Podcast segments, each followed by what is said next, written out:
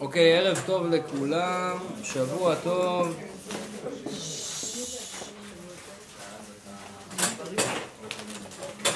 בעזרת השם. היום אני יודע מה שאתם חושבים. אה, יש טלפתיה, לא? אמרנו שנדבר קצת על טלפתיה, על uh, עניין של מחשבות. יש כל מיני תופעות שקורים לנו בחיים, שאנשים לא יודעים איך להסביר אותן. יש ספר שראיתי אותו השבוע, בשביל זה גם עשיתי את הנושא הזה. ספר הזה קוראים לו נשמת חיים. ספר שכתב חכם גדול, מדבר שם הרבה דברים uh, מיסטיים כאלה, ושם הוא מתעכב על העניין שהרבה אנשים טוענים שהם מרגישים לפעמים בחיים שלהם איזה שהם הרגשות לא מובנות. ואחר כך מסתבר שההרגשות האלה הן נכונות. מה, כמו שהוא משהו כמו אינטואיציה כזה. למשל, הוא כותב שם שלפעמים יש מצב כזה שיש בן אדם, חס ושלום, לא עליכם, לא על אף אחד מישראל, גנב. רוצה לגנוב איזשהו בית, והוא כבר מתכנן על הבית הזה.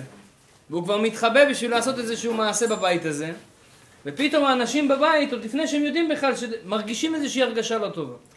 משהו רע הולך לקרות. יש גם כזה, הרבה פעמים בהרגשות טובות. אדם קם על רגל ימין, פתאום מחייך, שומעים אותו, מה אתה מחייך? אתה יודע איך זה בארץ. אם אתה מחייך, משהו בא לא, לא טוב אצלך. מה אתה מחייך? אה, ברוך השם, אני חי, אני מחייך. לא, משהו שם לא בסדר. מה אתה מחייך? אז לפעמים בן אדם מרגיש איזושהי הרגשה טובה. הרבה פעמים זה מסמל שמשהו טוב הולך לקרות. והרבה פעמים אנחנו רואים שבאמת משהו טוב קרה.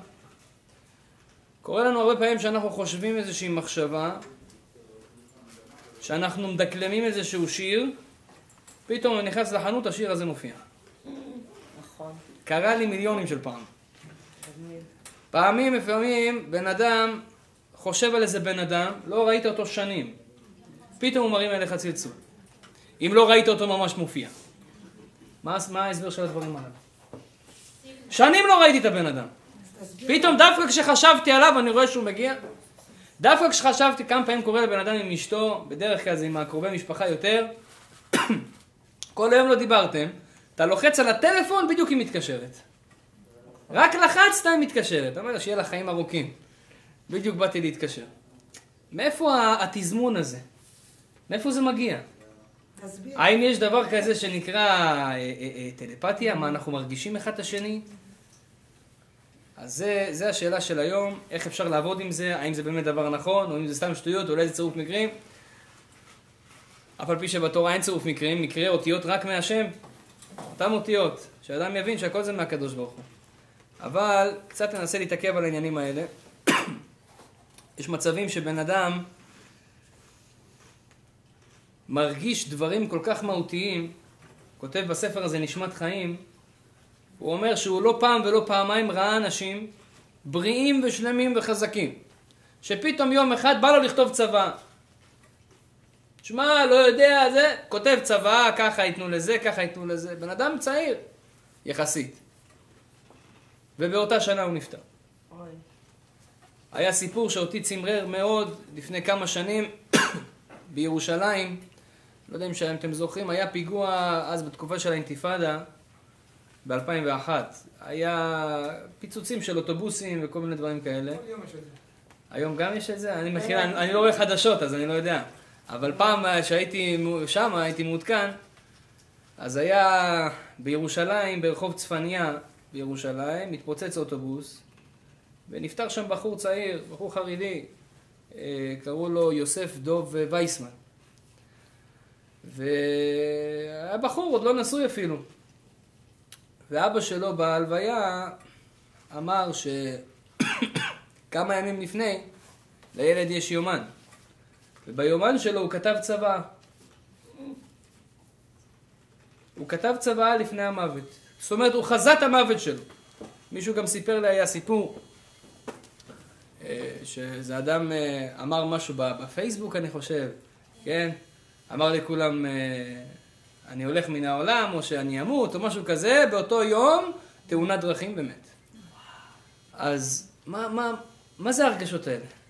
אתה רואה, זה לא דבר של, לא דבר של מה בכך, זה קורה להרבה אנשים, זה קורה לכל אחד מאיתנו, וצריכים הסבר לדבר הזה, ואולי יש אפשרות לפתח את הדבר הזה. ולמה הקדוש ברוך הוא הביא שיהיה דבר כזה בעולם בכלל? ננסה קצת לראות את ה... מה, מה התועלת שאנחנו יכולים להפיק מהדבר הזה, ואולי בעזרת השם גם איך אנחנו מונעים מהדברים הרעים לקרות. שאדם מרגיש איזושהי הרגשה רעה. איך אני יכול למנוע שיקרה לי הדבר הרע הזה? אם כבר אמרנו שיש הרגשות ואנחנו כן מרגישים דברים, מה אני יכול לעשות בנידון? אז בעזרת השם בזה, בדברים האלה אנחנו נדבר, אבל האמת היא קודם כל בואו נסביר. מה העניין של שאנחנו קולטים מסרים? אתה מרגיש הרגשות, משהו לא טוב הולך לקרות. הרבה אנשים מספרים, זה גם הוא כותב בספר, שהוא כמה וכמה אנשים שהוא ראה, שבן אדם מרגיש איזושהי הרגשה לא טובה, הוא בחוץ לארץ, הוא מרגיש הרגשה לא טובה, אחר כך מתברר לו שבאותו שעה, באותו רגע, נפטר אבא שלו או אמא שלו. אז לא סתם הרגשתי הרגשה לא רעה. זאת אומרת, הוא הרגיש, הוא היה קשור לאותו בן אדם, ומה שהבן אדם ההוא הרגיש קצת מזה, אני גם הרגשתי. אז זה מלמדים אותנו חכמים, שיש בזה סוד גדול, שהקדוש ברוך הוא ברא בעולם הזה לא רק communication פיזי, שאנחנו יכולים to communicate, אנחנו יכולים uh, להיות תקשורת, שלום שלום, מה נשמע, חיים, מבינים, מדברים אחד עם השני. יש גם דיבור רוחני שהוא מדבר אלינו ומסרים שאנחנו מקבלים וקולטים מאנשים דרך המחשבות ואנחנו אפילו לא שמים לב אליהם. הגמרא קוראת לזה אף על פי די הוא לא חזי, מזלי חזי. יש גמרא במסכת מגילה, בדף ג', כתוב שמה על דניאל הנביא. אם דניאל הנביא היה לו עוד שלושה חברים, גם הם היו נביאים. דניאל, זכריה, חגי ומלאכי. שלושה חבר'ה, ארבע חבר'ה, היו אנשים צדיקים מאוד. דניאל היה מקורב לנבוכדנצר מלך בבל, שהוא החריב את בית המקדש והגלה את כולם לבבל, לעיראק של היום. ויום אחד הקדוש ברוך הוא, אף על פי שדניאל לא היה נביא ברמה של הנביאים האחרים, הוא היה קצת פחות מהם, כך כותבת הגמרא, פתאום הקדוש ברוך הוא מראה לו עתיד. מראה לו איזשהו משהו שהולך לקרות בעתיד, והוא רואה את זה במחזה. וכתוב שדניאל נבהל. פתאום התחיל לפחד ונבהל, הוא ראה מה הולך לקרות עם עם ישראל באחרית הימים, בתקופה הזאת שלנו, לפני שיבוא המשיח. והוא נבהל מהבלגנים שהולכים לקרות באותה תקופה. באותו זמן כתוב שגם חגי, זכריה ומלאכי, גם הם התחילו לפחד. גם הם נבהלו. אבל אומרת הגמרא שהם לא ראו מה שראה דניאל. אז שואלת הגמרא, אם לא ראו, אז למה פחדו? הוא, אני מבין, ראה משהו, פחד מזה. אדם רואה חלום, איזה סיוט, פחד. אבל אחד לידו יושב, ראה אותו מפחד, למה שאתה גם תפחד? לא ראיתי. כתוב שהם פחדו לא פחות ממנו. אחז אותם פחד רציני. אומרת הגמרא, אף על פי דהי הוא לא חזה, מזלי חזה. זה בארמית. אף על פי שהם לא ראו, המזל שלהם רעה. מה זה המזל? מזל, בדרך כלל אנחנו חושבים, יש לך מזל, אין לך מזל, מה זה מזל? אומר, אומרים חכמים, מזל זה הנשמה של הבן אדם. הנשמה שלנו נקראת מזל. המזל הזה, הוא רואה דברים שהעיניים שלנו לא רואות. וזה מה שמלמדים חכמים, אף על פי שאתה לא רואה, המזל שלך רואה. זאת אומרת, לפעמים אתה מרגיש איזה שהם הרגשות, שמשהו הולך לקרות טוב או לא טוב, חס ושלום. אז מי זה, מי זה מרגיש את זה? זה המזל שלך.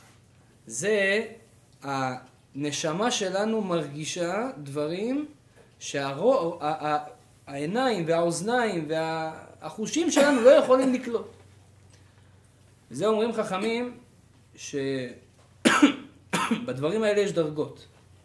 תראה, יש אנשים שהם מרגישים יותר. בדרך כלל הרבה אנשים אומרים שלאישה יש יותר אינטואיציה מאשר לגבר. בדרך כלל זה ככה מדברים. יש גברים שיש להם יותר אינטואיציה מאישה. אבל על דרך כלל. למה זה ככה?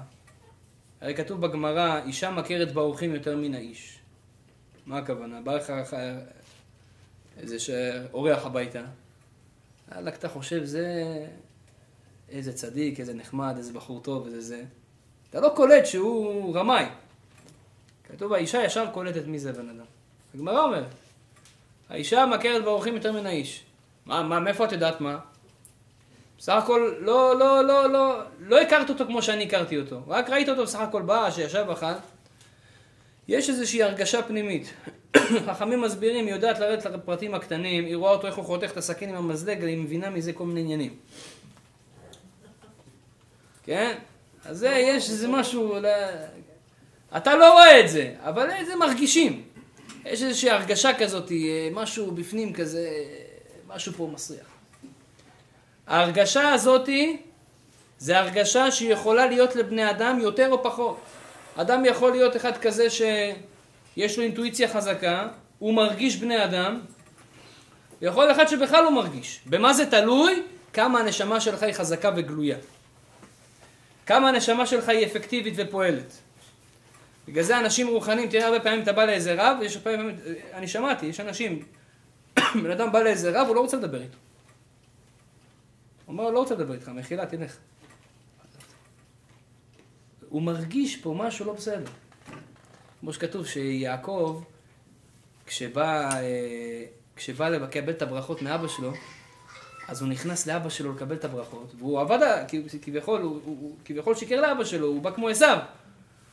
אז כתוב, ויצחק היה עיוור, ואז הוא פשוט התחיל להריח, כתוב, וירח את ריח בגדיו, אומרים, כריח גן השם, הוא הריח ריח של גן עדן נכנס איתו, הוא הרגיש, גן עדן נפתח לפניו. בן אדם נכנס צדיק, הוא הרגיש גן עדן. כשהבן שלו עשיו הגיע, בא לקבל את הברכות, הוא אומר, כתוב, פתחה של גיהנום נפתחה לפניו.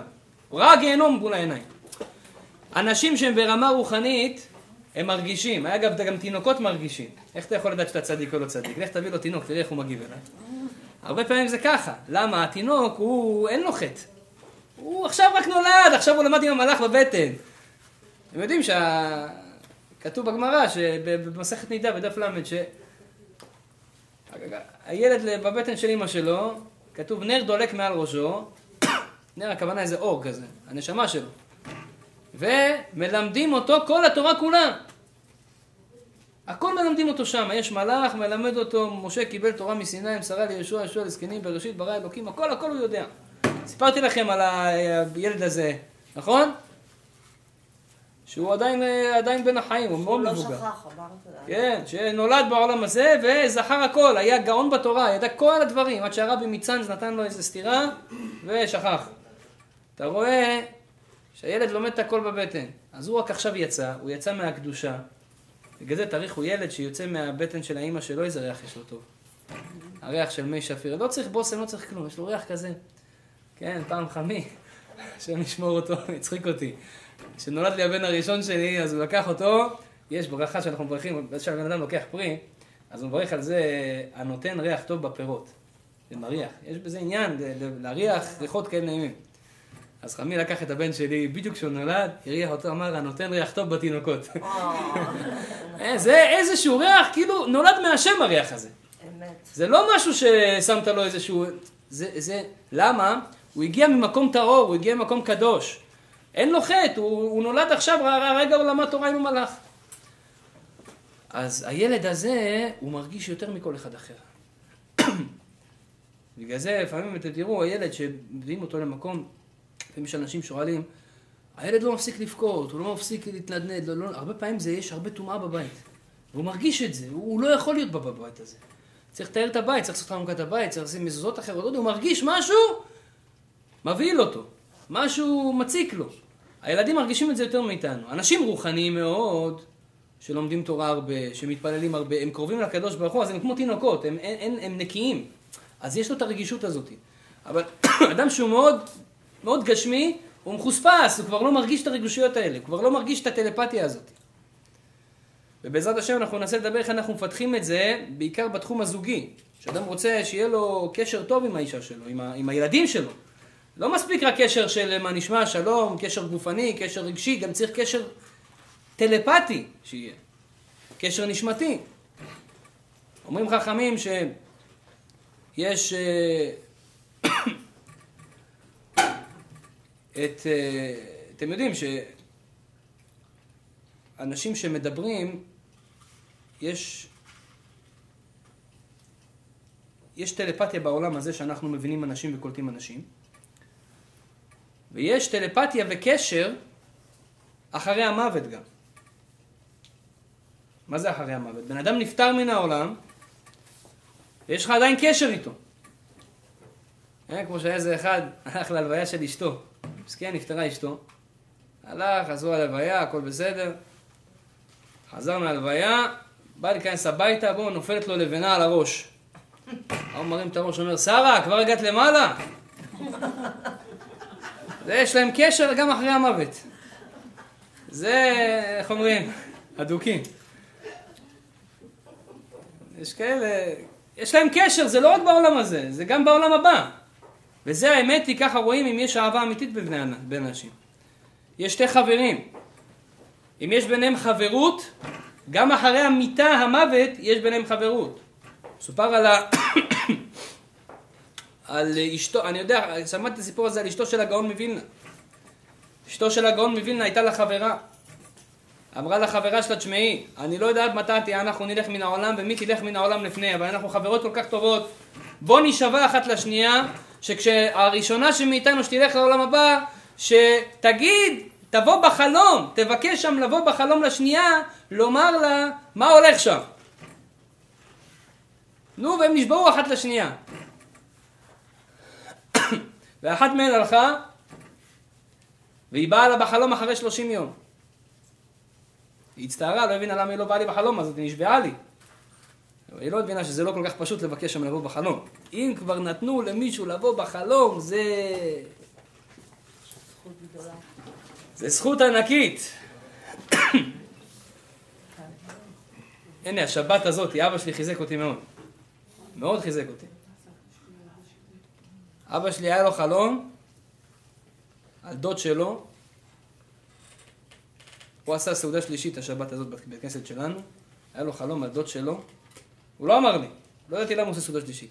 בסעודה שלישית הוא אמר את זה. היה לו חלום על הדוד שלו, שהדוד שלו בא לו בחלום, ואמר לו פסוקים. פסוקים מהסידור. ועכשיו אבא שלי לא זוכר את הדברים האלה בעל פה, אז הוא פתח את הסידור, הוא אומר, אני יודע אבל איפה הפסוקים האלה, אני קורא את זה לפעמים בתפילה, אז הוא יראה את הפסוקים האלה. אז הוא, זה היה הפסוקים שאנחנו קוראים בסוף תפילה של שבת, טוב שם משמן טוב, יום המוות מיום היוולדו, לאמור תורה הרבה ויתנו לשכר שכר הרבה, ודע שמתן שכרן של צדיקים לעתיד לבוא. זה הפסוקים שהוא אמר לו בחלום. והוא אומר, עכשיו הדוד הזה, השם ישמור, כל הילדים שלו, כל אלה שיצאו ממנו, אף אחד לא באמת אה, קרוב לקדוש ברוך הוא יותר מדי. לא, לא, בינתיים עדיין לא, לא מקיימים תורה ומצוות. אז, ואני בספק אם בכלל אמרו עליו קדיש. כאילו, מתישהו כמו שצריך. ונתנו לו רשות לבוא לו בחלום, ואמרו לו, תשמע, טוב שם משמן טוב ויום המוות מבלדו, אני צריך שתעשו בשבילי משהו. אני צריך שתעשו בשבילי. עכשיו, הוא קם בבעלה, הוא מתקשר לבן של הדוד הזה, שזה הבן דוד שלו, הוא אומר, תגיד לי, מתי אבא שלך נפטר? באיזה תאריך? הוא אומר לו, י"ז בשבט. שזה ממש יומיים אחרי. ממש כאילו, ביומיים לפני היורצייט שלו, כאילו, תכין את עצמך, יש לי יורצייט עכשיו, אני צריך שתעשה משהו בשבילי. ולמה אני בא אליך? כי אתה מהמשפחה היחיד שקצת קרוב לדברים האלה. יש לו בן כמוך. אז הוא בא אליו, אמר לו, וברוך השם עשינו לו סעודה, ואמרנו את העילוי נשמה, ואמרתי קדיש גם, ועשי... אתה רואה מה זה, באים, זה זכות שבאים משמיים ואומרים, זה לא כל כך פשוט לבקש את זה. בכלל לא פשוט.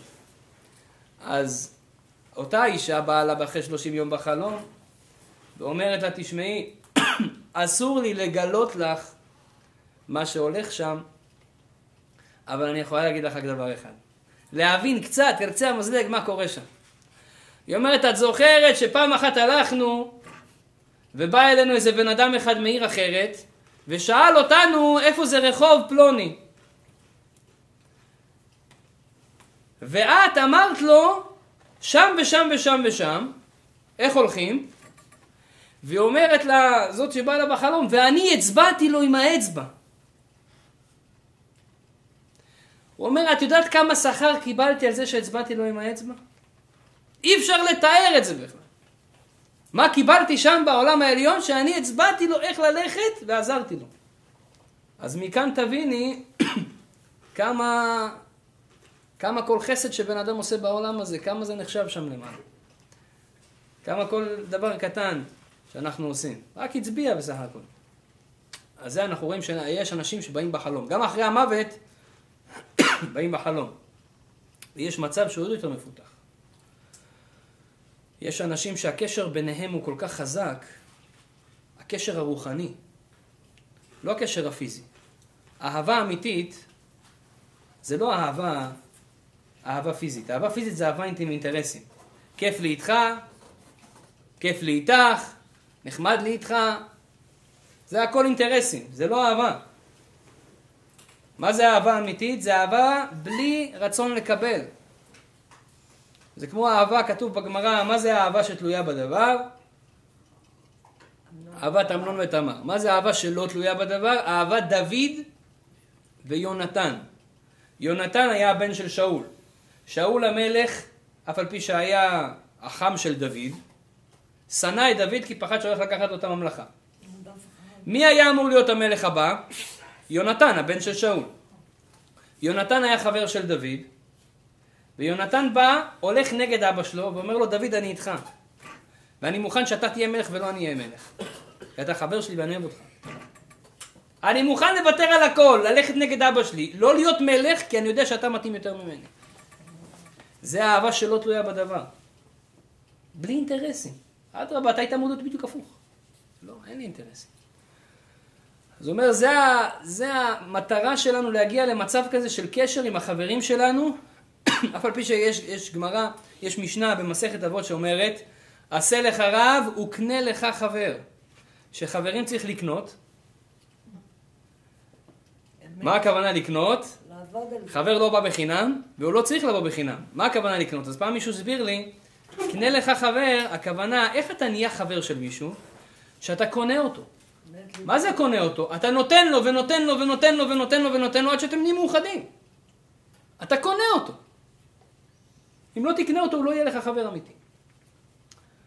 אבל ישנה, ישנו מצב שכולנו צריכים להגיע אליו, שזה קשר כל כך טוב עם בני אדם, עם המשפחה שלנו, עם האישה שלנו, עם הבעל שלנו, שגם אחרי המוות הקשר הזה נמשך. איזה קשר זה יכול להיות? זה רק קשר רוחני. כי אחרי המוות אתה רוחני. אם לבעל ואישה אין להם קשר רוחני ביניהם, אחרי 120 בעולם הבא אין להם מה להיות ביחד. הם לא קשורים. כל הקשר שלהם היה פיזי, נגמר. זה נגמר פה. בעולם הבא יש קשר רוחני. מה זה קשר רוחני? צריכים ללמוד מה זה קשר רוחני. קשר רוחני הרבה פעמים מתבטא על ידי טלפתיה, שבן אדם מבין אחד את השני. הוא יודע מה השני רוצה בלי שהוא אומר את זה אפילו. הוא לא צריך לדבר. תראו, הסבתות והסבות שלנו לא מדברים. הם מבינים מה שאחד של השני רוצה. הם מסתכלים בעיניים וכבר יודעים מה הוא רוצה. לא צריך לדבר. זה כמו בעולם הבא שאין דיבורים. תשאלו מי שעבר מוות קליני, לא מדברים שם. זה הכל, הכל מובן כבר, כאילו מה שאתה רוצה להגיד, מה שאתה רוצה לעשות, הכל מובן. אז זה השאיפה שאדם צריך להגיע. למצב שיש לו קשר רוחני עם הסובבים אותו. עם המשפחה שלו, עם הילדים שלו. מספרים על רבי יהודה הנשיא, שהוא היה אחד כזה. רבי יהודה הנשיא, הגמרא במסכת כתובות, בדף קג אומרת, זה אחת הגמרות שאני הכי אוהב. רק לדמיין את זה. אומרת שם הגמרא, לפני שרבי יהודה הנשיא נפטר, הוא הרגיש שהוא הולך להיפטר מן העולם. כמו הרבה צדיקים. כמו שאמרנו, מרגישים. הרגיש שהולך להיפטר מן העולם. כתוב, תביאו לי את הבנים שלי, אני רוצה לראות אותם. רצה לצוות את הבנים. אמר להם, בניי, היזהרו בכבוד אמכם. תיזהרו בכבוד של האימא שלכם. היא נשארת חיה, תיזהרו בכבוד שלה. שואלים חכמים, רבי יהודה הנשיא, מה, אתה גידלת אה, עבריינים? שצריך להגיד להם להיזהר בכבוד של אימא? זה פשוט, שילד שלומד תורה, קבל את אביך ואת אמך. מה אתה צריך להגיד לו את זה? להיזהר בכבוד של אימא. אלא אומרת הגמרא זה לא היה פשוט, כי זה לא הייתה האימא המקורית שלהם. זו הייתה אימא חורגת, ויכול להיות, כי כתוב באמת, אמא חורגת, אנחנו חייבים בכבודה כל עוד האבא חי. כשאבא נפטר, כן, בדרך כלל כבר מתחילים קצת אה, להוריד הילוך, אומר תיזהרו בכבוד עמכם. הזהיר אותם. שלא תחשבו בגלל שזה לא אמא שלכם, היא גידלה אתכם, נחשבת כמו אמא שלכם.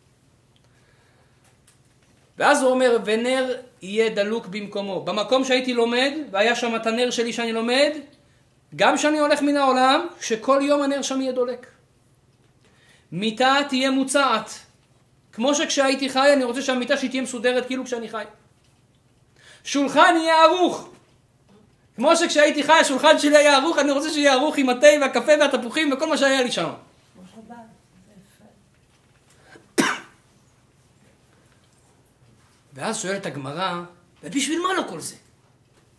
אתה הולך מפה, יאללה, העולם הבא, כיף כיף, אה? מה, מה אכפת לך ממה קורה פה? מה אתה צריך את התפוחים ואת התה? מה אתה צריך את הנר? אומרת הגמרא, כי רבי יהודה הנשיא בכל ליל שבת היה חוזר הביתה אחרי שהוא נפטר. רבי יהודה הנשיא היה בא לביתו אחרי שקברו אותו. היה כל ליל שבת בא ועושה קידוש לכל המשפחה, וכתוב גם בספר חסידים שהם גם היו יוצאים ידי חובה. אז רבי חיים פלאג'י שואל איך יצאו ידי חובה, הוא מת. הוא לא חייב במצוות, הוא חופשי מן המצוות. אז הוא כותב שמה שצדיקים גם בעולם הבא לא חופשיים מן המצוות, אבל זו סוגיה אחרת, לא ניגע בזה עכשיו. אז הוא גם חייב במצוות, ולכן הוא פטר אותם והוציא אותם ידי חובה של קידוש. עכשיו שתבינו, בן אדם נפטר מן העולם, הוא חוזר לעולם כל ליל שבת, אשתו והילדים שלו רואים אותו, והוא עושה להם קידוש. ואז, אומרת הגמרא שם, עד שיום אחד, אחד מהעוזרות בית שם, שגם הייתה בתוך החלק של הבית, היא גם ראתה את זה כל זה, אבל זה היה בשקט, היה אסור לגלות לאף אחד. אחת מהעוזרות בית שם, היה רעש בחוץ, והיה רעש חזק, אז היא, היא רצה להשקיט את האנשים בחוץ, אמרה להם, שקט, שקט, רבי יהודה הנשיא פה, מה, אתם לא יודעים שרבי יהודה הנשיא לומד פה עכשיו? אז כאילו הוא נפטר לפני חצי שנה, כאילו. ואז הוא שמע את זה, אמר, זה כבר מתחיל לצאת החוצה, מאותו יום לא הגיע יותר. יש סיפור דומה גם על רבי יוסי הגלילי. רבי יוסי הגלילי, למה קוראים לו הגלילי? הוא היה מן הגליל. כן, כולם מכירים, יש גמרא מפורסמת. אשתו של רבי מאיר הייתה אישה צדיקה חריפה. בת של רבי חנניה בן תרדיון. הייתה גאונית בתורה. הייתה מוכיחה את החכמים בדור בעניינים שקשורים לתורה. קראו לה ברוריה. אשתו של רבי מאיר בעל הנס. ההיא הברוריה הזאת, אפשר רק לספר עליה, צריך 80 שנה. ההיא הברוריה הייתה הולכת ברחוב, פעם אחת היא ראתה את רבי יוסי הגלילי. עכשיו, תלמיד חכם זה, זה לא איזה... זה אחד מגדולי הדור. היא ראתה אותו הולך ומחפש את הדרך מסוימת ל- ללוד. רצה להגיע ללוד. אמר לה, סליחה, איך אני מגיע ללוד? היא מסתכלת עליו, אומרת לו, גלילי שותה. יודעים איזה גלילי שותה? שותה גם משוגע. ככה היא מדברת, תלמיד חכם. אמר לה, מה את רוצה ממני? אז היא אומרת לו, מה, אתה לא יודע, כתוב בתורה, ואל תרבה שיחה עם האישה? אישה זרה. אתה יכולת לשאול אותי, איך ללוד? לא צריך, סליחה, את יכולה בבקשה להגיד לי איך אני מגיע ללוד? בשביל מה כל זה? היא הייתה מחמירה. רק בשביל להסביר לכם, הייתה כזאת, איך אומרים, מוכיחה את, ה, את הרבנים. אז רבי יוסי הגלילי הזה היה צדיק גדול. הוא היה, מסכן, האישה הראשונה שלו נפל, נפל קשה. הייתה לו אישה, השם ישמור. ויציל לא על אף אחד מכם ולא אף אחד מישראל. כן? גיהנום בעולם הבא בטוח לא היה לו. למה הוא כבר היה לו גיהנום בעולם הזה? האישה הזאתי הייתה משקרת לו, מבזה אותו, ליד כל התלמידים שלו הייתה יורדת עליו ומקללת אותו. והוא צדיק, מה? ברוך השם. מה, יחזיר לה? כתוב בגמרא, נעלבים ואינם עולבים. שומעים חרפתם ואינם משיבים. עליהם העולם, העולם עומד. על אלה שלא משיבים, שמישהו מעליב אותך, אתה שותק. זה גבורה גדולה. רבי יוסי היה לו את זה כל יום. אז הוא לא היה עונה לה. יום אחד הוא הגיע עם החבר שלו, עם אחד מהתלמידים שלו, רבי אלעזר בן עזריה. זה אדם גדול, כולם שמעו עליו, רבי אלעזר בן עזריה, היה נשיא ישראל אחר כך. בגיל 18 עשו אותו נשיא ישראל. כן, זה זה שאנחנו קוראים בהגדה של פסח, שצמחו לו 18 שורות של זקן ביום אחד. כי אשתו אמרה לו, תשמע, אתה תהיה נשיא, אתה ילד קטן, אתה בן 18, אין לך זקן אפילו, כולם יצחקו עליך, יורידו אותך. אמרה לו, מה, בגלל שאני זקן לא ילך להיות נשיא? טוב, לא יודע, הלך לישון, אמר נראה מה יהיה. הלך, קם בבוקר, גדלו לו 18 שורות של זקן לבן. אמר לה, את רואה שהם רוצה שאני אהיה. הלך, נהיה נשיא. אז הוא בא אצלו עם רבי יוסי הגלילי, הלכו לבית של רבי יוסי הגלילי ללמוד תורה בבית. אז רבי יוסי, היה קצת רעב, רצה גם לכבד את האורח. שאל אותה, יש משהו לאכול? אמרה לו, לא. יש כאלה אומרות, כן, תיחנק, זה יותר גרוע. אה. זה, אומרת לו, לא, אין משהו לאכול. אבל הוא, אתם יודעים, חוש ריח יש לו. הוא מריח שיש פרגיות.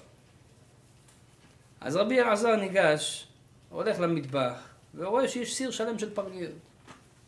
ההיא משקרת לו, אין מה לאכול. רבי אלעזר ידע שהיא כל הזמן עושה לו דווקא, אבל עכשיו הוא ראה את זה בלייב, וכבר עלו לו מים עד נפש, כי לראות הרב שלו ככה מבוזה. אמר לו, תגיד לי, כבוד הרב, מחילה שאני שואל אותך, מה, אולי תתגרש מהאישה הזאת כבר? מספיק, כמה אתה יכול לסבול? ניסינו לתקן אותה, היא לא, היא לא, לא מתקנת את עצמה. אמר לו, תשמע, אתה צודק. בדרך כלל גירושים ביהדות זה דבר שהוא עושים את זה רק בשעת הדחק, אבל פה זה היה מצב בעייתי מאוד. בעיקרון אמר לו, תשמע, הייתי רוצה לגרש אותה, אבל מה אעשה? כשאני בכתובה הייתי ככה בחור, רשמתי לה סכום גדול. אין לי עכשיו לתת לה את הסכום הזה. לא יכול לתת לה את זה, כשאדם מגרש את אשתו חייב לתת את הסכום שהבטיח לה בכתובה. אז במקרה רבי אלעזר בן עזריה היה עשיר גדול.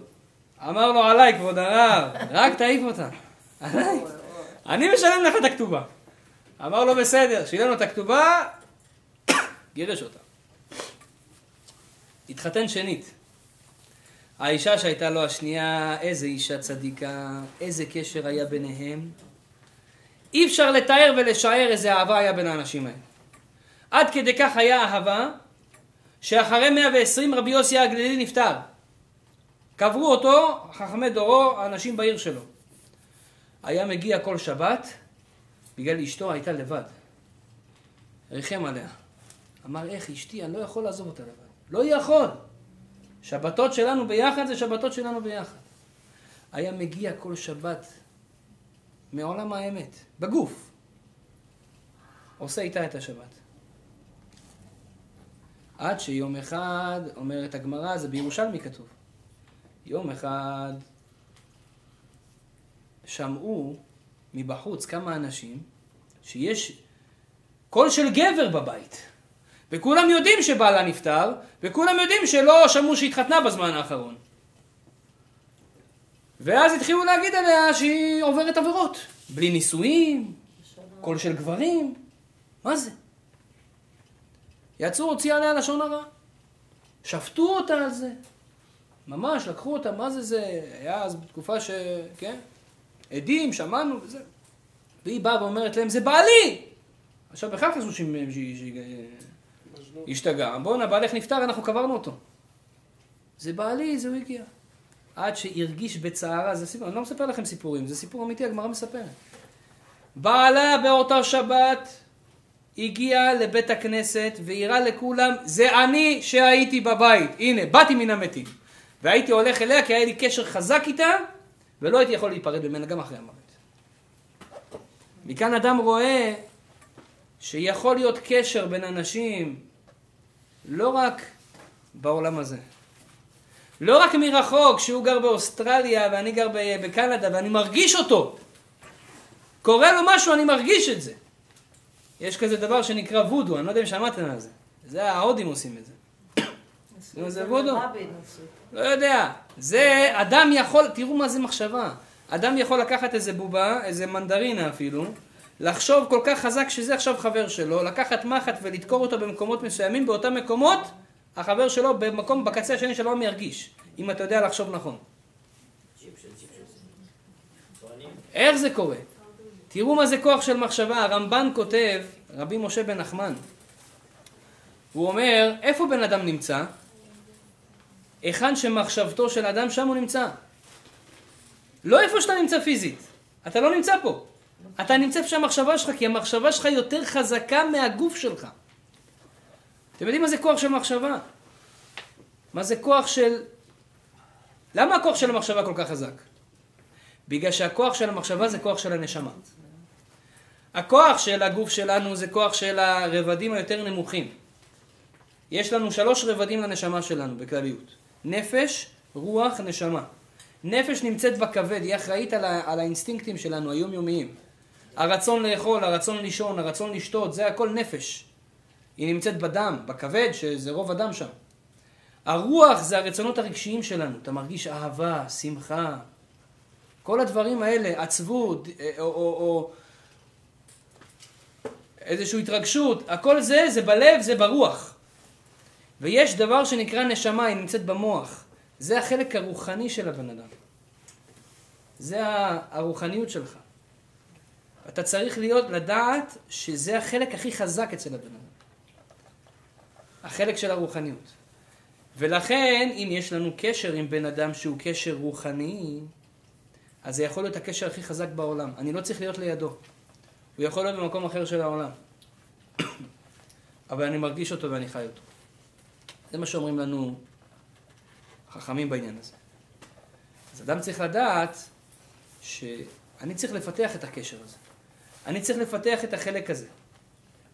איך אני מפתח את החלק הזה אצלי, שנקרא האינטואיציה הרוחנית שלי? אז קודם כל נחזור למה שדיברנו קודם. אמרנו שאף על פי דיור לא חזי, מזלי חזי. אף על פי שבן אדם, הוא לא מרגיש, הוא לא רואה דברים. המזל שלו מרגיש דברים. לפעמים אנחנו מרגישים איזה שהם פחדים מסוימים. לפעמים אנחנו מרגישים איזה שהם הרגשות מסוימות. בואו נאמר שליליות. איך אנחנו יכולים לבטל את זה? הרי לא סתם הקדוש ברוך הוא נותן לנו את זה. הרגשת איזו הרגשה מסוימת. הרבה פעמים בן אדם שומע איזושהי שמועה. אמרו לך, אתה יודע, יש בן אדם חולה כך וכך. למה אתה חושב שבורא עולם דאג שזה יגיע לאוזניים שלך? סתם? שתגיד, וואי, מסכן. יש סיבה למה זה הגיע לאוזניים שלך. אם זה הגיע לאוזניים שלך, כנראה שאתה יכול לעשות פה משהו.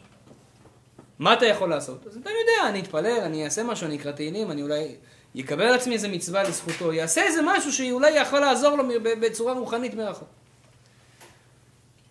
אז הוא אומר, אותו דבר זה בנשמה שלנו. כשהנשמה שלנו חווה איזושהי הרגשה, אתה מרגיש איזושהי הרגשה לא טובה, משהו לא טוב הולך לקרות. מה אתה יכול לעשות? אז הגמרא שם במסכת מגילה, מה שאמרתי לכם, אם אדם פתאום מרגיש איזה פחד, איזה משהו רע שהולך לקרות, מה יעשה בשביל שזה לא יקרה? אומרת הגמרא, יקרא קריאת שמע. מה זה יעזור? אומר קריאת שמע זה משהו מיוחד. שמע ישראל, אדוני אלוהינו, אדוני אחד, ברוך שם כבוד מלכותו לעולם ועד. קודם כל, קריאת שמע מבטלת את המזיקים. הרי מאיפה מגיעים לנו כל מיני בעיות בחיים? כל הבעיות שקורים לנו בחיים, זה יש מזיקים רוחניים שהם דואגים להוציא לפועל את הבעיות האלה. למשל, נגזר גזירה בשמיים שאדם צריך ליפול. הוא ילך ויהיה קרח שחור והוא יחליק וייפול. נגזר בשמיים. שולחים מלאך שיוציא את זה לפועל, מזיק. המזיק הזה בא מתקרב אליך ומוציא את זה לפועל אצלך. אתה יכול לסלק את המזיק הזה. איך אתה יכול לסלק את המזיק? שמע ישראל. הרבה פעמים בן אדם מרגיש איזו הרגשה שהוא באיזה סכנה. תראו, כל החכמים שלנו, כל הדורות שלנו, כל האבות שלנו, כשהיו באיזה סכנה, מה הם היו צועקים? שמע ישראל. למה היו צועקים? סתם? כי זה משפט יפה? לא, כי זה המשפט שמציל אותך מכל הצרות. למה הוא מציל אותך מכל הצרות? זה בעצם משפט שמחבר אותך לשורש של הבריאה, לשורש של העולם שזה הקדוש ברוך הוא. אני פעם, היה לי סיטואציה, כן, הייתי שובב גדול כשהייתי ילד,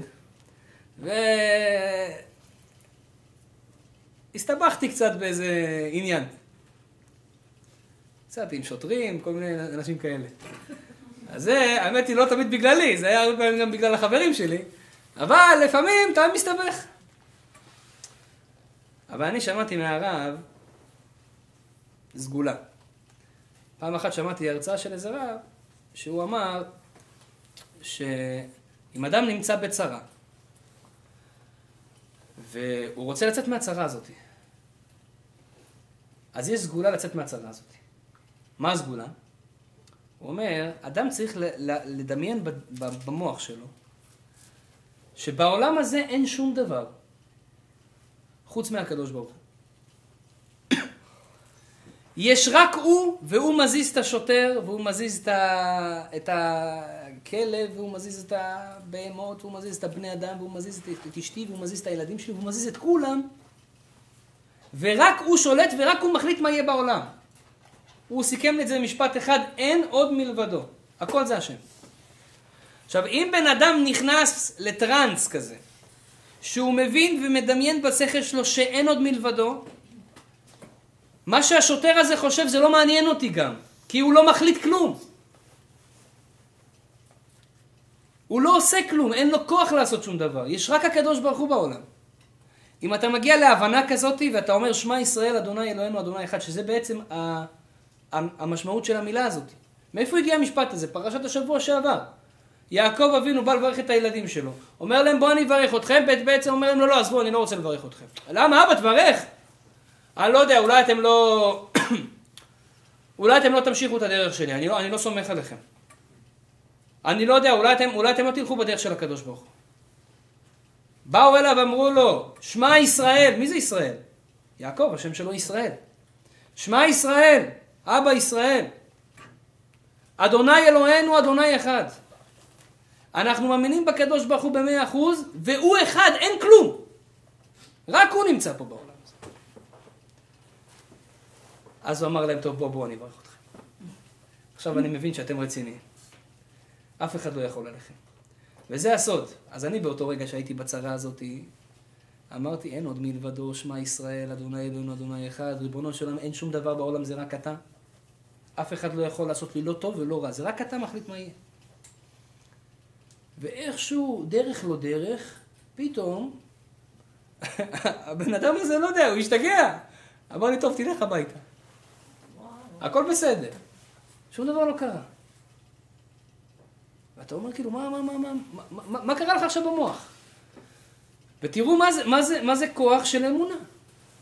תראו מה זה כוח של שמע ישראל. סיפר לי אחד שאבא, שסבא, או אבא שלו, סבא שלו היה בשואה, והשם ישמור, אתם יודעים מה קרה שם. וכבר, הוא, היה לו תפילין. ובשואה היה אסור להניח תפילין, כן?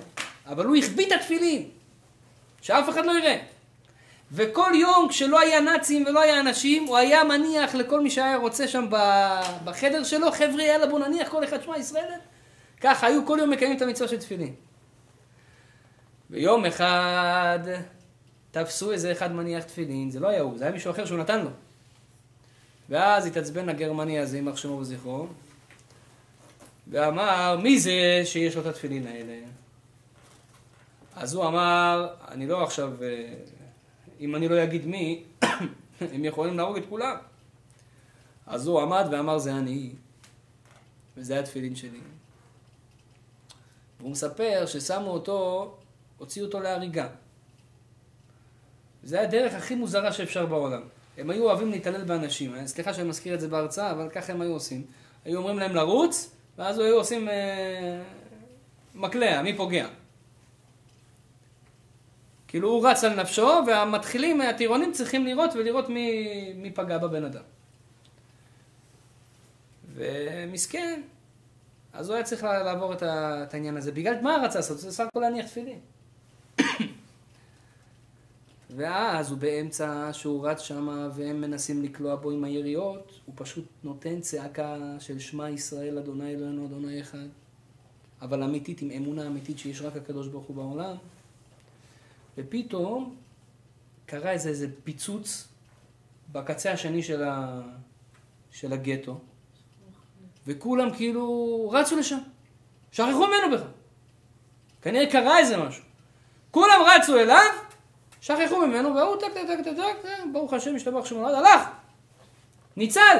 עד היום הוא חי. לא יודע, אולי הוא מת, אני שמעתי את זה לפני חמש שנים. חי את השעה. אבל הוא עבר את זה. אתה תראה איזה ניסים ונפלאות בן אדם יכול לעשות, רק תגיד שמע ישראל. אומרת הגמרא, אבל מה קורה אם בן אדם לא יכול להגיד שמע ישראל? מה זה לא יכול להגיד שמע ישראל? אתה מרגיש פחד, אתה מרגיש איזושהי הרגשה לא טובה, משהו לא בסדר, או איתי, או עם מישהו במשפחה שלי, אני מרגיש, המזל שלי אומר לי את זה. אין סיבה שאני ארגיש לא טוב ואני מרגיש לא טוב. אני לא יכול להגיד קריאת שמע, מתי אתה לא יכול להגיד קריאת שמע? הוא אומר, כגון שהוא במקום מטונף. כשאדם נמצא במקום שאין, סליחה מכבודכם, אין שם ריח טוב, ליד פח אשפה, ליד ביוב, בשירותים, אסור להגיד שם שמע ישראל. אתה לא יכול להגיד שמע ישראל במקומות כאלה. אז מה יעשה אדם שנמצא במקום כזה? הגמרא אומרת דבר מצחיק. ייקח את הרגליים שלו, יצמיד אותם אחד לשני, ויקפוץ שתי מטר. ויהיה בסדר. מה קשור עכשיו, מה זה פה עכשיו? אה, קלאס, אתם מכירים את המשחק הזה? קריאת שמע אני מבין, רוחני, הקדוש ברוך הוא, אין שום דבר בעולם, אבל מה יעזור לי לקפוץ? והוא אומר לך גם תקפוץ, לא תקפוץ, תקפוץ עם רגל, כמו רגל אחת, תקפוץ ככה. שתי רגליים צמודות תקפוץ, זה יעזור. מסביר הבן איש חיים אחד תשמע, קודם כל, חס ושלום לא לצחוק על העצות של חכמים. הם יודעים מה הם אומרים, אנחנו לא מבינים. מה העניין של לקפוץ? הוא אומר, מה קורה? למה בן אדם מרגיש הרגשה לא טובה? כי סובבים אותו איזה שהם מזיקים שרוצים להזיק לו. אז הוא מרגיש הרגשה לא טובה. הוא אומר, איך תברח מהמזיק הזה עכשיו? אה? לא, עכשיו אם אתה תלך, אם אתה תלך רגיל, הוא יבוא אחריך. אומר לך הבן איש חי, תשמע, יש אצל, אצל הש"דדים, השדים האלה יש להם כללים שם, יש חוקים אצלהם, ב... איך הם בנויים. אחד מהחוקים אצלהם, שהדילוג של שד, דילוג שהוא מדלג, הוא מאוד גדול. אין להם דילוגים קטנים. ועוד כלל אצל, אצל, אצל השדים, ש... אחד זה הדילוגים שהוא מדלג, והכלל השני, נו, עכשיו פרח לי מהראש. אה, אה, הם מחקים בני אדם. זאת אומרת, כוחות הטומאה, הם מחקים את הקדושה. על זה שאל רבי חיים ויטל, הוא שאל פעם אחת שאלה, הוא אמר, הרי היהודים, הנשמה שלנו באה ממקום מאוד מאוד גבוה. כמה שהנשמה שלך באה ממקום יותר גבוה, ככה אתה יותר יפה. אתה יכול לראות אנשים שהם יפים, זה, זה מסמל משהו. אז אדם שהגיע ממקום מאוד גבוה רוחני, יש לו פוטנציאל, זה לא אומר שהוא צדיק, הוא יכול להיות הכי רשע בעולם כי הוא בחר להיות רשע, אבל יש לו פוטנציאל להיות צדיק. ועל דרך כלל דווקא האנשים היפים לא כל כך צדיקים, למה? כי יש להם יצר הרע גדול, בגלל שהם יפים, והם נופלים ברשת של היצר הרע. אבל על דרך כלל בפוטנציאל, אדם יפה זה אדם שהנשמה שלו באה ממקום גבוה. אז שאל רבי חיים ויטל, אז איך זה שיש גויים, לא, שיש גויים יפים? כי הרי הגויים, אנחנו יודעים שהם באו ממקום מאוד מאוד נמוך, מעולם העשייה. אז הם כולם צריכים להיות מכוערים לפי הכלל הזה. אז איך יכול להיות שיש גויים יפים? זו שאלה שהוא שואל. אז הוא אומר, בגלל שיש את צד הקדושה שזה עם ישראל, ויש את צד הטומאה שזה אומות העולם.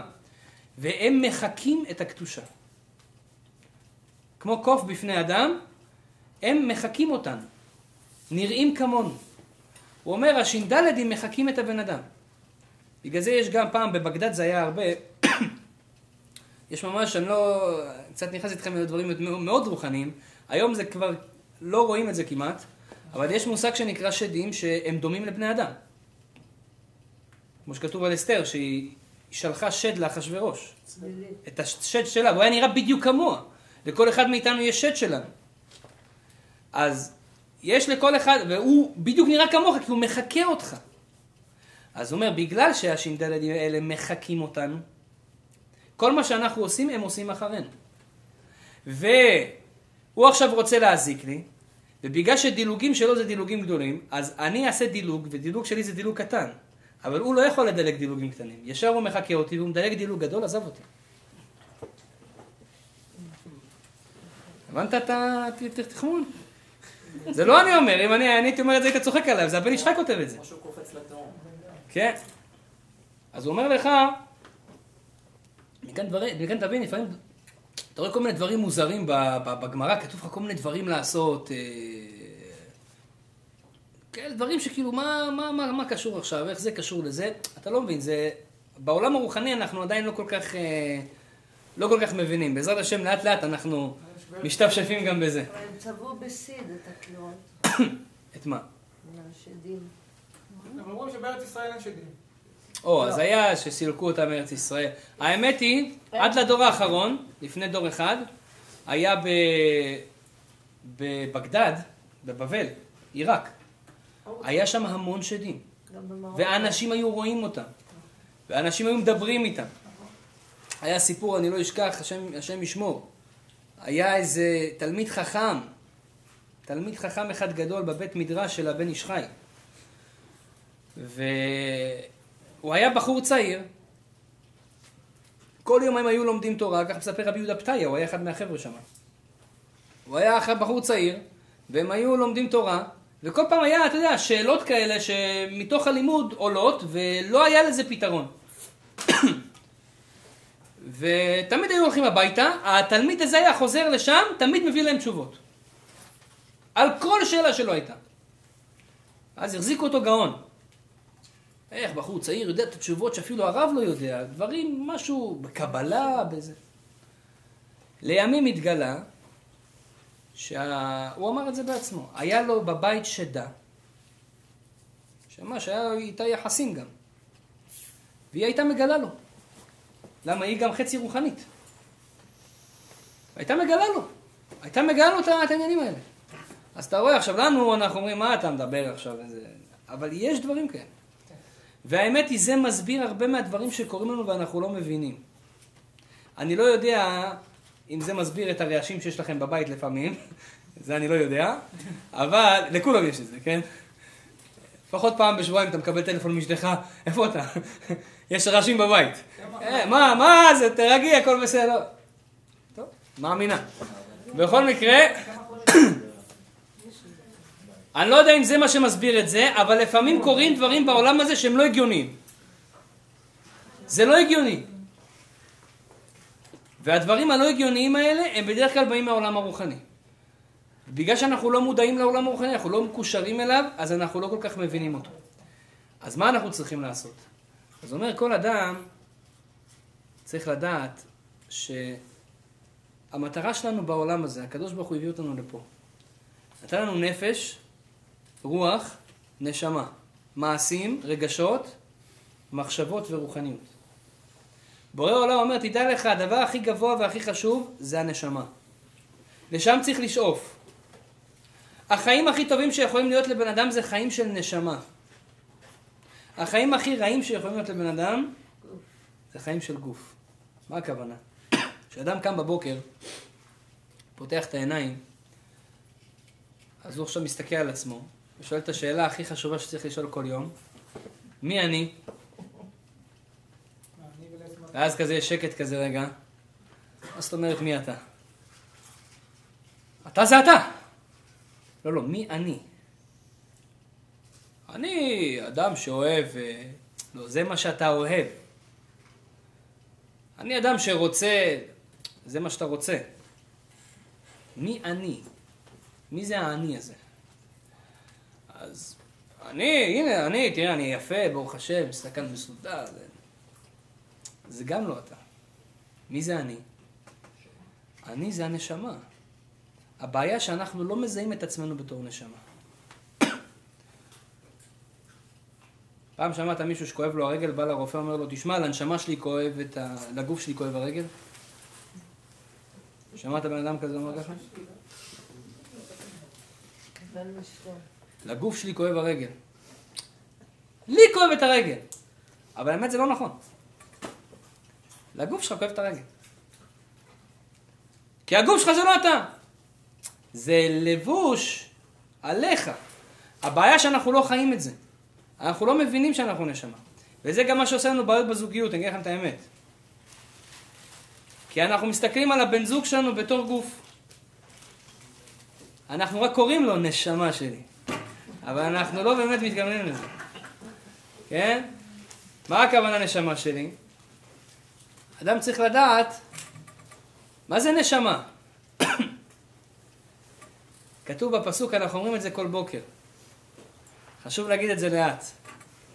נשמה שנתת בי טהורה. האשכנזים אומרים היא בסוף אחר כך. אנחנו אומרים טהורה. נשמה שנתת בי טהורה.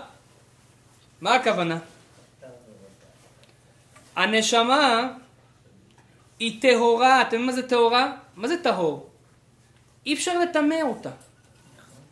היא טהורה. אז מה קורה פה בעצם? תארו לכם בן אדם קם בבוקר והוא חי חיים של נשמה. בשבילו הוא נשמה ואשתו זה נשמה. לא משנה מה היא תעשה, היא טהורה. לא משנה מה היא תעשה, היא טהורה. לא משנה מה אשתך תעשה לך, לא משנה מה בעלך יעשה לך, היא טהורה. אה, אבל הוא עשה לי משהו לא טוב, זה לא הוא. מה זה זה לא הוא? זה הוא! ראיתי את זה. זה לא הוא. הוא זה הנשמה, הנשמה לא יכולה לעשות רע. נשמה לא יכולה לעשות רע, צריך לקלוט את זה. אז מי עושה פה רע? הגוף. הגוף השתלט על הנשמה, והתגבר עליה, ועשה רע. אותו דבר זה הילד שלך. הילד בא, עשה בלאגן, כן? הילדים שלי שיהיו בריאים. אני החרמתי עכשיו את כל הטושים מהבית. צבעתי את הבית לא מזמן, הם צבעו לי אותו מחדש. מה זה זה? עכשיו אתה מתעצבן. אתה יודע כמה עולה לצבוע את הבית היום? הרבה כסף. מה עם טוש אחד, הרס לך את העבודה? אז לכאורה בן אדם, מה, ישר יתחיל להתעצבן עליו. אבל אם אדם שמבין קצת עומק ורוחניות, הוא יעצור לרגע ויגיד, רגע, רגע, רגע, רגע, הבן שלי, הוא צדיק! הוא רק לא מזמן יצא מהבטן של האימא שלו למד תורה. יש לו נשמה טהורה. אז למה הוא מצייר לי על הקירות? אתה צריך לחשוב, מה, למה הוא צריך על הקירות? יש סיבה לזה, מה הסיבה שהוא מצייר על הקירות? הקדוש ברוך הוא הכניס לו את הנשמה הטהורה שלו בתוך גוף. כלוא, כלוא בכלא. והגוף הזה לא נותן לו מנוחה. הוא אומר יאללה, לך תצייר על הקירות. לך תעצבן את אבא, לך תעצבן אותו עכשיו, אחר כך איזה כיף יהיה. מי אומר לו את זה? ככה אומר לו הגוף. הגוף מתחיל להגיד לו, ויש לו יצר, כתוב שלילד קטן אין לו יצר הטוב, תדעו לכם. למה אנחנו עושים חגיגה בגיל 13? זה לטמה. בגיל 13, למה אומרים לו מזל טוב? אנשים לא יודעים, עושים בר מצווה, השם ישמור, היום עושים בר עבירה, כן? מסכן, כל ה... רק בעבירות. זה אמור להיות מצווה, עושים לו בר מצווה. מה זה בר מצווה? הילד קיבל יצר הטוב. עד עכשיו, לא היה לו יצר הטוב. אז אנשים ישר שואלים, רגע, רגע, אבל מה, הוא עושה מצוות, הוא היה ילד טוב, הוא היה לפעמים ככה מכבד את אבא ואמא, אז מה? אז מי זה זה? זה יצר הרע כיבד את אבא ואמא. הוא ראה שמשתלם לכבד את אבא ואמא, אז כיבד אותם. הוא ראה שאם הוא לא מכבד ומקבל כמה צ'פחות, אז הוא כיבד. זה כיבוד של יצר הרע. אבל יצר הטוב לא היה לו, הוא קיבל בגיל 13. בגלל זה לבן אדם, אני אומר את זה לעצמי, כי אני צריך להתחזק בזה בעצמי. לא יכול בחיים שלו להתעצבן על הילד שלו, או על כל ילד בעולם מתחת לגיל 13. האמת היא גם מעל גיל 13, אבל בוא נתחיל עם מתחת לגיל 13. כי הוא לא, אין לו יצר הטוב בכלל, מה אתה מצפה? לקחו נשמה טהורה, מדהימה, מקסימה, יפהפייה, שמו אותה בתוך גוף כולו מלא תאוות ורצונות לא טובים. כל מה שההורים שלו מלמדים אותו מגיל קטן זה רק גשמיות, גשמיות, גשמיות, גוף, גוף, גוף, גוף, גוף, אף אחד לא דיבר איתו על נשמה. אז בטח שהוא יעשה מעשים של גוף. מה זה מעשים של גוף? קונדסון. עושה כל מיני דברים רעים. הגוף אינטרסנט, הוא רוצה כיף. מה זה כיף? כיף לפעמים לראות מישהו סובל. כיף לפעמים לאכול הרבה, לאכול דברים טעימים, לאכול שוקולד בלי שרואים, כן? זה כיף. אז זה מה שהגוף רוצה. אנחנו צריכים לעשות סוויץ' בחיים שלנו ולהתעורר, אני אומר את זה לעצמי.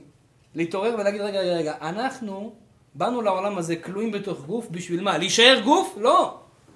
בשביל להוריד, לקחת את הנשמה ולהרים אותה. ולחיות חיים של נשמה. לפני כל סיטואציה בחיים אנחנו צריכים להגיד איך נשמה הייתה מתנהגת עכשיו. איך אדם שהוא נשמה היה מתנהג עכשיו? מה הרצון של הנשמה עכשיו? בשביל זה אדם צריך ללמוד תורה. למה? כי התורה אומרת לך מה הרצונות של הנשמה. אנחנו אפילו לא יודעים מה הרצונות של הנשמה. אני, יש לי אחיין אחד בארץ, פעם אחת אה, באתי לבקר וזה, נשארתי איתו לבד בבית. טוב, משעמם, אמרתי, טוב, מתחיל לדבר איתו קצת, הוא לא... בחיים שלו לא לימדו אותו תורה וזה, תדבר איתו קצת. אמרתי לו, תשמע, אמא שלך דואגת לך? כן. איך היא דואגת לך? תסביר לי. אה, היא, חבל לך על הזמן. כל יום, שלוש פעמים ביום ארוחה. זה, אם אני חולה, היא יושבת איתי, היא לוקחת חופש מהעבודה, וחס ושלום שאני לא אשתעל, עושה לי מסאז'ים ועניינים, ושמה לי שמן זית בעיניים בריסים בכל מיני מקומות. ואל תשאל איך היא דואגת לי, התחיל להסביר לי, כן, יפה מאוד, יפה מאוד. אמרתי לו, אבל אתה, מי זה אתה? אז הוא היה ילד בן 11-12 כזה, הוא לא, לא היה סגור על עצמו. אז הוא אומר לי, מה זה מי אני? אני זה אני. אמרתי לו, לא, לא, אתה, ממה אתה עשוי? הוא אומר גוף? כן, אבל יש לך רק גוף? לא, לא, יש לי גם נשמה. אה, יש לך נשמה? אוקיי. פעם אמא שלך דאגה לנשמה שלך? אז הוא כזה עצר כזה, הוא התחיל לחשוב כזה. בואנה. לא דאגו לי לנשמה. לא, תחשבו רגע. כמה היא דואגת לך שאתה חולה? לא דאגו לו לנשמה. אמרתי לו, וואי, אז הנשמה שלך לא, לא, לא מפותחת. אתה בן 12, הנשמה שלך בת אפס. אני כשהגעתי לישיבה, אני זוכר, אני רגיל בכל מקום, הייתי בבית ספר וזה, הייתי כזה מהאלה המתקדמים. הייתי תמיד אוהב להיות בראש, ראשון. עכשיו, הגעתי לישיבה, הרגשתי אפס אפסים. באתי לשם, התחלתי ללמוד, כולם יודעים תורה, אריות, לומדים, ואני בקושי יודע לקרוא רש"י, לא מבין. כולי כזה בור ועם הארץ, קיבלתי דיכאון, קיבלתי. באתי למשגיח של הישיבה, המשגיח זה אבא רוחני כזה. אמרתי לו, תשמע, אני מרגיש רע. אמר לו, מה? אומר, תראה, אני פה הכי מסכן, לא יודע שום דבר, כולם יודעים יותר טוב ממני.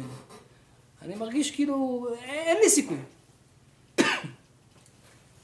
איך הוא חיזק אותי? אמר לי דבר יפה. אמר לי, תגיד, בן כמה אתה? אמרתי לו, אני 16. 15, 16. אז הוא אמר לי, מתי חזרת בתשובה ומתי התחלת? לו, לפני חצי שנה. לפני חצי שנה, אז הוא אומר, לפני חצי שנה גילית שיש לך נשמה? אמרתי לו, תכלס כן.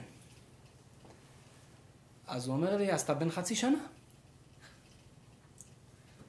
אמרתי לו, מה זאת אומרת? אני לא בן חצי שנה, אני בן 16. הוא אומר לי, לא, לא, אתה בן חצי שנה. אתה זה הנשמה שלך. הנשמה שלך פיתחת אותה חצי שנה? אז אתה בן חצי שנה. תראה, אתה בן חצי שנה, כמה אתה יודע? אתה רק בן חצי שנה, הוא כבר עשר שנים, הוא כבר חמש עשרה שנה, הוא כבר שלוש שנים, הוא בן שלוש, מה אתה משווה? אתה בן חצי שנה.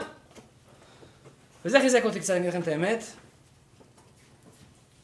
אז ברוך השם גדלתי, וכולנו גדלנו, אבל מה זה לגדול? לגדול זה לא לגדול בגוף. אתה יכול להיות בין מאה, בין מיליון, לא משנה בין כמה אתה. אתה יכול להישאר בין חצי שנה בנשמה. וזה מה שאנחנו לא רוצים שיהיה לנו אחרי 120. זאת אומרת, האדם שמגיע אחרי 120, הגוף שלו שוכב בקבר. מי שממשיך זה הנשמה. בת כמה הנשמה? כמה השקעת בה ביום? כמה השקעת בה בכלל? זה מה שקובע. אדם שרוצה שיהיה לו קשר טוב עם אשתו, אדם שרוצה שיהיה לו קשר טוב עם הילדים שלו, אדם שרוצה שיהיה לו טלפתיה והבנה של החיים, שהקדוש ברוך הוא ישלח לו רמזים לפני שמשהו הולך לקרות, הוא צריך להיות מחובר לנשמה שלו. מי מקבל את המסרים האלה? הגוף לא מקבל את המסרים האלה. הגוף יכול לקבל מסרים של קול, ראייה, שמיעה, חמש החושים, הוא סגור, זה הכל, זה מה שהוא יכול לקבל. הוא לא יכול לקבל מעבר לזה. הנשמה יכולה לקבל דברים מעבר. הרגשות שאתה לא תבין בכלל. אתה הולך לעשות פגישת עסקים, אם יש לך קצת נשמה פועלת, אתה תרגיש אם זה טוב או לא טוב. אתה תרגיש אם צריך או לא צריך. הרבה רווקים שואלים אותי, אני הולך לשידוכים, הרב, אני לא יודע מתאים לי או לא מתאים לי, אני לא יודע. אני ב... ב, ב הם, הם מבולבלים. אולי כן מתאימה לי, אולי לא מתאימה לי, זה כן, זה, הוא לא יודע לבחור. בגלל זה נשארים רווקים עד גיל 40. למה הוא לא יודע למה ללכת לבחור? כי אין לו נשמה. אין לו את ההרגשה הנשמתית הזאת, אומר לי, אין לי קליק. אני ניסיתי לחפש במילון אבן שושן מה זה קליק. כן, פעם מישהו אמר לי זה חטיף של שוקולד, אבל מה זה קליק? אני אסביר לכם מה זה הקליק שהוא מתכוון. הקליק הזה זה התחושה הנשמתית הזאתי, אין לי את התחושה הנשמתית הזאת. למה אין לך אותה? זה לא כי היא לא מתאימה לך, היא כי אתה סתום מבחינה רוחנית לקבל תדרים כאלה בכלל. לא מכוון. אתה, אתה אין לך, אתה לא פתוח לקבל את, את, את, את הרגשיות הרוחניות האלה. אתם יודעים שהכלבים והדבורים, יש להם דבר, תדרים שאנחנו לא מבינים. פעם מישהו שלח לי לפני הרבה זמן, אה, באימייל, להוריד איזשהו קובץ file כזה, אמר לי תוריד, זה קול שרק אנשים מגיל 40, עד גיל 40 יכולים לשמוע. אמרתי לו, מעניין, עשיתי בדיקה. אני ואבא שלי. אני עוד לפני גיל 40, הוא אחרי גיל 40, בוא נראה. אני שומע, הוא לא שומע. פלא עצום. קול שיוצא לך מהרמקול, רק בן אדם עד גיל 40 יכול לשמוע. איך זה עובד? אז אחר כך הסבירו שמה שיש חושים מסוימים שהם מאוד מאוד דקים, ולאנשים מבוגרים כבר זה מאוד מחוספס, כבר אין את החוש הזה. אותו דבר זה עם החיים הרוחניים שלנו. אדם שהוא רוחני יש לו חוש כזה, שלאחרים אין אותו. יש לו הבנה, יש לו הכרה בפנים של האנשים, באנרגיות של האנשים, של האנשים שאין אותם. בשביל זה התורה אומרת לנו, מי שרוצה להצליח בחיים, שילמד הרבה תורה. למה? מה זה קשור? כמה שאתה יותר לומד תורה, מה זה תורה? זה אוכל הנשמה. מה שלא נתנו לך מגיל קטן, אתה צריך להגדיל את הנשמה. הנשמה שלי לא מפותחת, היא לא יכולה לקבל את המסרים האלה, אני לא מרגיש את הרגשות האלה. כמה שאתה יותר אוכל אוכל של נשמה, אז בעצם הנשמה שלך יותר מפותחת. כמה שהנשמה שלך יותר מפותחת, אתה נהיה יותר רגיש לרוחניות. אתה תלך עכשיו לדייט, ויהיה לך קליק. אתה תרגיש את הנשמה של הבחורה הזאת, היא תרגיש את הנשמה שלך, והיא תבין שזה מתאים. למה פעם היה יותר קל להתחתן? כי פעם אנשים היו יותר, פחות פיזיים מהיום. תראה איזה אמונה יש לסבתות ולסבות. לא היה להם תורה, לא היה להם כל הדברים, היה להם אמונה כזאת, היה להם רוחניות, הם מאמינים בהשם, הם מאמין, יש להם, מה זה הרוחניות הזאת, מאיפה זה בא להם? כמה שאנחנו יותר דור, ממשיכים בדורות, כל דור שעובר, אנחנו נהיים יותר פיזיים ויותר פיזיים ויותר פיזיים ויותר פיזיים. אינטרס. פיזי הכוונה אינטרסנטי גם. בגלל זה הילדים שלנו עוד יותר גרוע מאיתנו. והילדים שלהם, אל תצפה שזה יהיה יותר, זה יהיה עוד יותר. אלא אם כן, נעבוד על עצמנו. איך עובדים על עצמנו? מגבירים את הכוח הרוחני. איך מגבירים את הכוח הרוחני? צריך אינפוזיה עכשיו רצינית. אינפוזיה רוחנית להדביק לבן אדם. איך מדביקים לאינפוזיה רוחנית? זה דברי תורה. אדם שלומד דברי תורה, זה אינפוזיה רוחנית. אז היום ברוך השם הקדוש ברוך הוא הפיץ אותנו ככה בעולם, ויש לנו אפשרות לשמוע כל רגע ביום. יש אנשים במהלך העבודה שלהם יכולים לשמוע תורה. יש אנשים באוטו שלהם ונוהגים לאיפה שיכולים לשמוע תורה. כל זה, זה מעורר את החושים הרוחניים שלנו. ברגע שאנחנו יותר ויותר נחדד את החושים הרוחניים שלנו, סליחה, מה אנחנו נהיה זה יותר תורה? רוחניים. זה הרצאות? הרצאות, כן. לא, את יכולה לשמוע הרצאה, את יכולה לפתוח ספר, את יכולה לקרוא תהילים. את יודעת מה זה תהילים נותן לנשמה שלך? אני קוראת... אדם, זה כמו אדם שקורא תהילים למשל, אדם שקורא זוהר, אדם שקורא דבר שהוא קדוש. איזה כוח זה נותן לו בנשמה. איזה הצלחה זה נותן לו בחיים.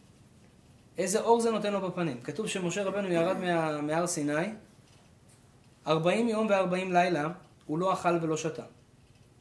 הוא רק התעסק בדברים רוחניים. מה קרה לו ישר? קרן אור פניו. כתוב שבני ישראל לא יכלו להסתכל עליו. אז הוא שם איזושהי מסכה כזאת על הפנים. זאת אומרת, הרוחניות הזאת שיש לבן אדם, שבן אדם מתנתק קצת מהעולם הפיזי הזה, ומתחבר לעולם הרוחני, הוא מקבל אור בנשמה, וזה לא רק הוא, זה משפיע על הסובבים אותו. לפעמים אתה נמצא ליד בן אדם, אתה מרגיש לא טוב. יש לך לפעמים מקומות כאלה, אתה מרגיש כזה לחץ, אתה מרגיש הרגשה לא נעימה. מה קרה פה בדיוק?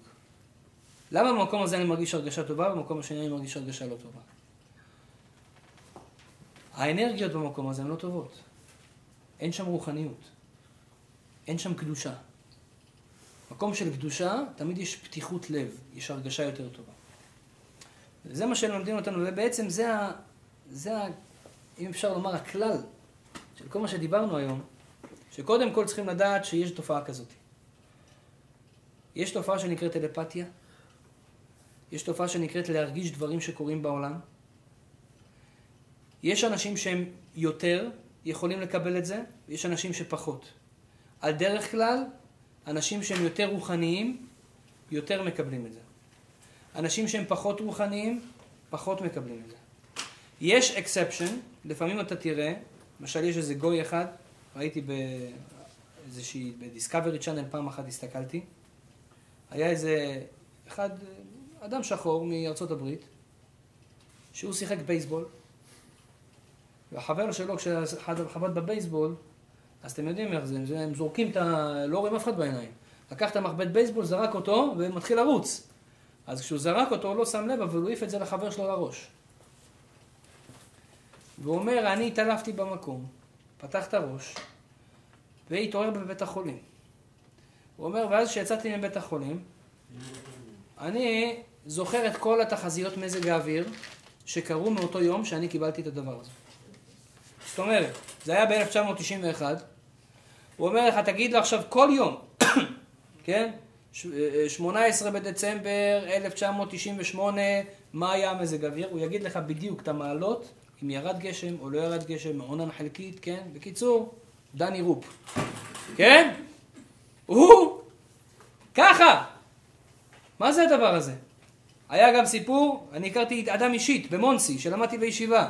נסעתי באוטובוס, היה שם בחור אחד, שנסע איתי באוטובוס, סתם ישבנו, דיברנו וזה, אמר לי, אתה רוצה עוד משהו מגניב? בחור ישיבה, אמרתי לו, יאללה, בואו נראה. אמר לי, יש לך דולר? אמרתי לו, כן. לקח דולר, אמר לי, תעשה את סופלי. עשיתי. אמר לי, בוא, אתה תעשה, תכסה ככה, כל פעם שתעשה, אני אגיד לך מה יצא לך. אמרתי לו, וואלה, יפה, בוא נראה. עשיתי, אמר לי מה יצא, בדיוק מה שאמר. ככה, איזה מלא פעמים, עשרים פעם עשיתי, הכל הוא ידע. אמרתי לו, איך אתה יודע את זה? הוא אומר לי, אני רואה. איך אתה רואה? אני מכסה את זה עם הידיים. הוא אומר לי, אני לא יכול להסביר לך, כשהייתי קטן, קיבלתי מכה בראש, מאותו יום אני רואה את הדבר הזה. אמרתי לו, אתה רואה עוד דברים? הוא אומר לי, לא, רק זה. אמרתי לו, חבל, הייתי יכול לעשות. לא, לא, זה אמיתי. הוא אומר לי, אני לא יודע מה, אבל בא לי התמונה של מה שיצא לך בראש. יש מלא תופעות כאלה. היה עוד אחד, סיפרתי לכם פעם אחת, עשיתי איזה שיעור, איזה בחור אחד בחיפה, קוראים לו רוני גם, קיבל מכה בראש, מאותו יום הוא גאון במתמטיקה. תשאל אותו איזה שורש כפול, מה שאתה רוצה שיש, הוא יודע את אותו מהמחשב. המחשב יסתיים, הוא ימשיך לך את המספרים אחרי הנקודה. איך הוא יודע? גם נתנו לו לבחור הזה, נתנו לו ספר טלפונים. של, של, של הארץ. תקשיבו טוב, יש לו זיכרון מדהים. הוא פשוט קורא את הספר טלפונים, והוא אומר לך כך, תפתח איפה שאתה רוצה, תגיד לי את השם ואת השם משפחה, אני אומר לך את הטלפון. זה לא מסתיים פה. זה שמעתי מהרב פנגל. תקשיב. יותר קל, אה? הוא אומר, הוא לקח, הוא עשה את זה בהופעה, אמר להם, קחו ספר תנ"ך, איפה שאתם רוצים, תתחילו את הפסוק, אני מסיים. עכשיו זה לא בחור דתי. שאלו איך מכה בראש. מה קורה פה? לא יודע, אולי גם זה נותן לך רצון לקבל מכות בראש. אז מה, מה... מכה בראש. עכשיו תבינו מה מסבירים לנו חכמי הקבלה, איך זה קורה. זה משהו מדהים. אדם שקיבל מכה בראש, מה קרה לו? הכוח הפיזי שלו, הגוף שלו, נהיה חלש. הוא קיבל איזשהו בעיה, פגיעה. באותו מקום שהוא קיבל פגיעה, הוא קיבל נכות מסוימת. יש לו מקום, נקודה במוח שהיא נכה. מאותו מקום שהגוף נכה, הנשמה פורצת. הרי מה אמרנו? שהנשמה, הגוף סוגר על הנשמה. בגלל שהגוף כל כך חזק, הנשמה לא יכולה לפרוץ. הנשמה אין לה גבול.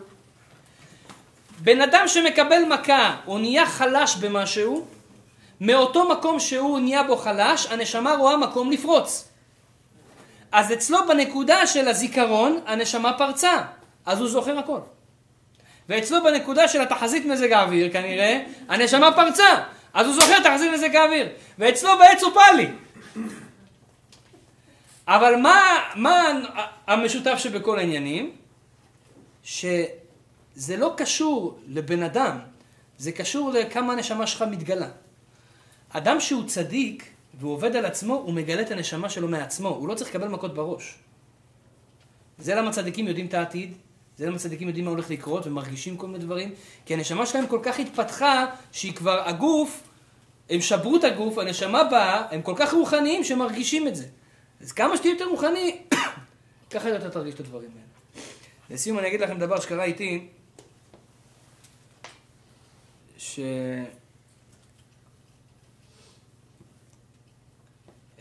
היה לי מקרה כזה ש... טלפתיה כזאת, איך שאומרים. שזה מאוד מאוד חיזק אותי.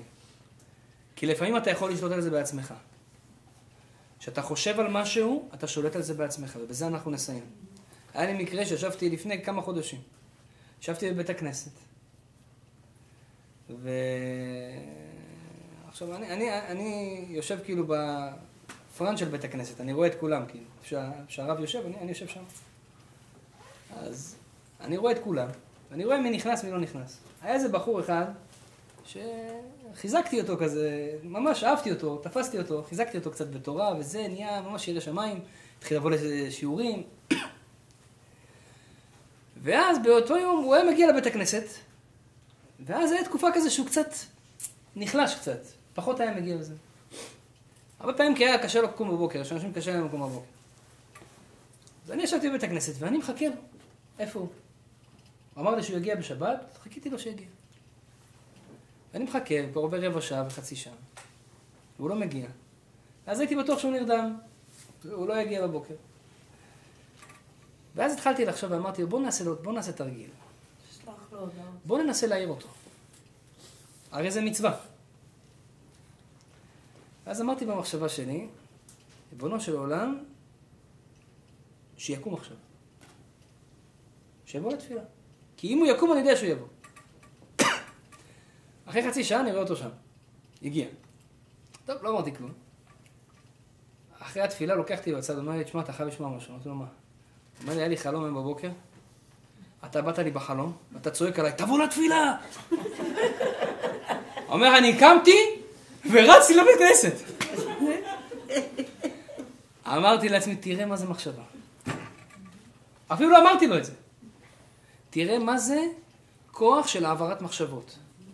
מכאן נבין מה שאנחנו חושבים בבית. מה אתה חושב על הילד שלך? אה, הוא לא מוצלח, אה, הוא כזה, אה, הוא כזה. חס ושלום. אתה, אתה עכשיו עושה את הילד שלך לא מוצלח.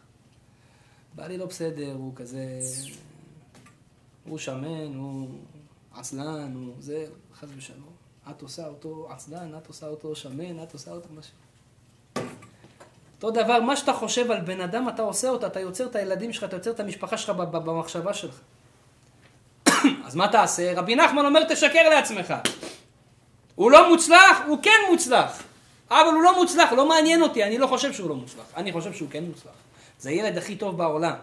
ילד טוב ירושלים. אדם יחשוב את זה, זה יקרה. אדם ירצה את זה, זה יקרה. וזה הכוח של תפילה. למה תפילה משפיעה?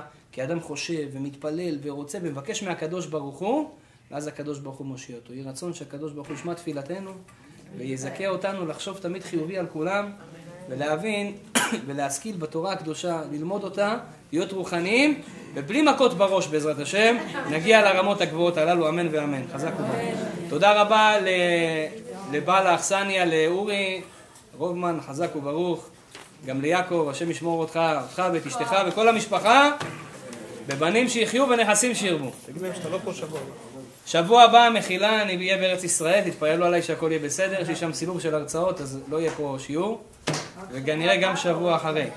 אז שבועיים אנחנו בהפסקה, בלי נדר. שבועיים, שבוע ועוד שבוע. שבוע. עוד שנה.